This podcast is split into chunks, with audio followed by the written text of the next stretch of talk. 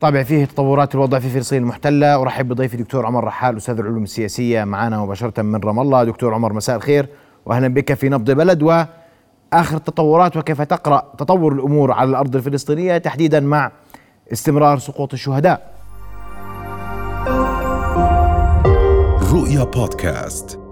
مساء الخير أستاذ محمد لك وللمشاهدين والمشاهدات. يعني هذا آه، التصعيد الإسرائيلي. لا أقول غير المسبوق. هناك تصعيدا إسرائيليا مستمرا في الأراضي الفلسطينية المحتلة ولم تتوقف دولة الاحتلال يوما من الأيام عن القتل والاستباحة والإعتقالات. ومنعنا من حرية الحركة والتنقل و آه، يعني بناء المستوطنات آه، وتوسيعها وعربدة للمستوطنين هذا التصعيد الإسرائيلي بطبيعة الحال هو جزء من سياسة إسرائيلية ممنهجة وفي ذات الوقت هو ترجمة حرفية للبرنامج الانتخابي للأحزاب الصهيونية التي خاضت الانتخابات الأخيرة. وبالتالي هذا إرضاء لغلاة المستوطنين هو آه، يعني ارضاء للمتطرفين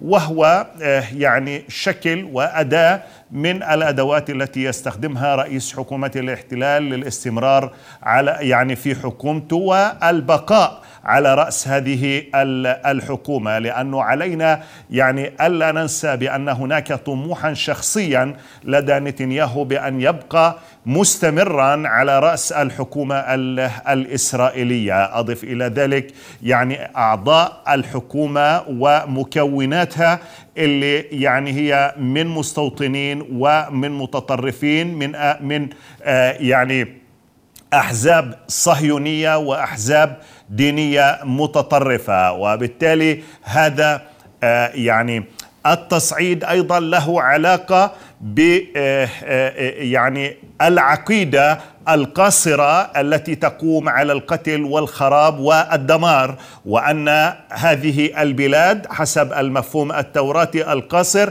بأنها أرض الميعاد وأنه يجب ألا يكون هناك الأغيار أي الفلسطينيين وغيرهم على هذه آه، الأرض. وبالتالي هناك منطلقات توراتية هناك منطلقات سياسية وهذا هو يعني لسان حال الفكر السياسي الصهيوني الذي يقوم على مزيد من القتل والخراب والدمار آه، آه، للآخرين. وبالتالي يعني هذا التصعيد يأتي في هذا السياق ومن هذا المنطلق. دكتور عمر الجميع ينظر لزيارة وزير الخارجية الأمريكي إلى المنطقة وعودة التهدئة وهناك الحديث أيضا عن موقف السلطة الفلسطينية المختلف إزاء هذا التصعيد والجميع يترقب ما هو قادم. برأيك ما هو القادم اليوم؟ يعني القادم أسوأ. وزير الخارجية الأمريكي جاء ليضغط على السلطة الوطنية الفلسطينية وجاء من أجل أن يكون هناك اشتراطات أمريكية على السلطة الوطنية الفلسطينية وعلى الشعب الفلسطيني. نحن لا ننتظر الكثير من هذه يعني الزيارة التي تساوي والذي ساوى يعني وزير الخارجية الأمريكي ما بين الضحية والجلاد وطالب يعني السلطة والفلسطينيين حسب تعبيره بضرورة التهدئة وعدم التصعيد والابتعاد عن مربع العنف.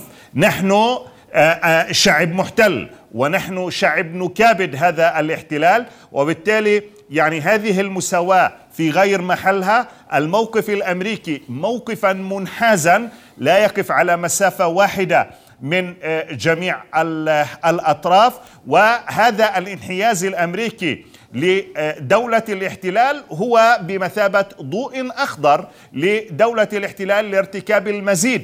من الجرائم والمجازر بحق أبناء شعبنا، وبالتالي لو كان هناك موقفا امريكيا متقدما بين هلالين حتى على مستوى آه، المنظمة الدولية لما استخدمت الولايات المتحدة الأمريكية حق النقد الفيتو وما وبالتالي يعني آه، آه، الولايات المتحدة دائما تفشل أي توجه بالنسبة لنا كفلسطينيين في في المنظمة الدولية. وبالتالي يعني هذا الموقف المنحاز مرة أخرى هو الذي يعطي إسرائيل يعني ال ال ال آه، يعني أو أو يعني يشكل ضوءا أخضر لارتكاب مزيد من الجرائم بحق أبناء آه، شعبنا لذلك يعني نحن لا نعتقد بأن آه، هذه الاجتماعات وهذه اللقاءات من رأس الدبلوماسية الأمريكية ستفضي إلى يعني ما هو متوقع بالنسبة لنا كفلسطينيين أن يكون أن يكون هناك لجم من قبل الولايات المتحدة الأمريكية للسياسة الإسرائيلية اللي قوامها القتل والإرهاب والعربدة والاستيطان وغير وغير ذلك. لذلك نحن لا نعتقد أن أنه سيكون هناك أي جديد بالنسبة لزيارة وزير الخارجية الأمريكية إلى الأراضي الفلسطينية المحتلة سوى مزيد من الضغط والتلويح بمزيد من العقوبات والوعودات الفارغة التي لا تسمن ولا تغني آه، آه، آه، من جوع. يعني قاربت مرحلة أو فترة الرئيس بايدن على الانتهاء المرحلة الأولى أو الفترة الأولى ولكن لم نرى ولم نلمس أن هناك أي تغيير بالنسبة للولايات المتحدة اتجاه قضيتنا. نحن ندرك تماما أن هناك يعني الثابت والمتحرك في السياسة الخارجية الأمريكية اتجاه قضيتنا ملموس ومحسوس وبالتالي لا سقف توقعات كبيرة بالنسبة لنا كفلسطينيين من هذه الزيارة. إذا أرادت الولايات المتحدة الأمريكية أن يكون هناك يعني آه، آه، آه، هدوءا بين هلالين عليها أن يعني أن يكون موقفها واضحا وصريحا اتجاه ما يجري في الأراضي الفلسطينية المحتلة وعليها أن تسمي الأشياء بمسمياتها. وعليها أن تنحاز للقانون نعم دكتور عمر وإلى قرارات الشرعية نعم. الدولية نعم. ولكن نحن نعي تماما أن هناك تحالفا استراتيجيا وموقفا ثابتا من الولايات المتحدة اتجاه نعم دولة دكتور عمر بسؤال أخير وبعجالة انت كرمت اليوم هناك من يرقب الوضع داخليا وهل هناك المزيد من التصعيد خصوصا أننا على أبواب رمضان شهران عن رمضان وفي الفترة الماضية رمضان كان يشهد مواجهات ما بين الاحتلال والفلسطينيين يعني يعني كما قلت في في في في إجابة السؤال الأول بأن يعني التصعيد الإسرائيلي لن ولن يتوقف. هذه سياسة إسرائيلية ممنهجة. هذه أحزاب متطرفة. هذه يعني يقف على رأس مستوطنين ومتطرفين. وبالتالي يعني علينا ألا نشدد بأن هذا يعني هذا التصعيد هو مرتبط بفترة زمنية محددة.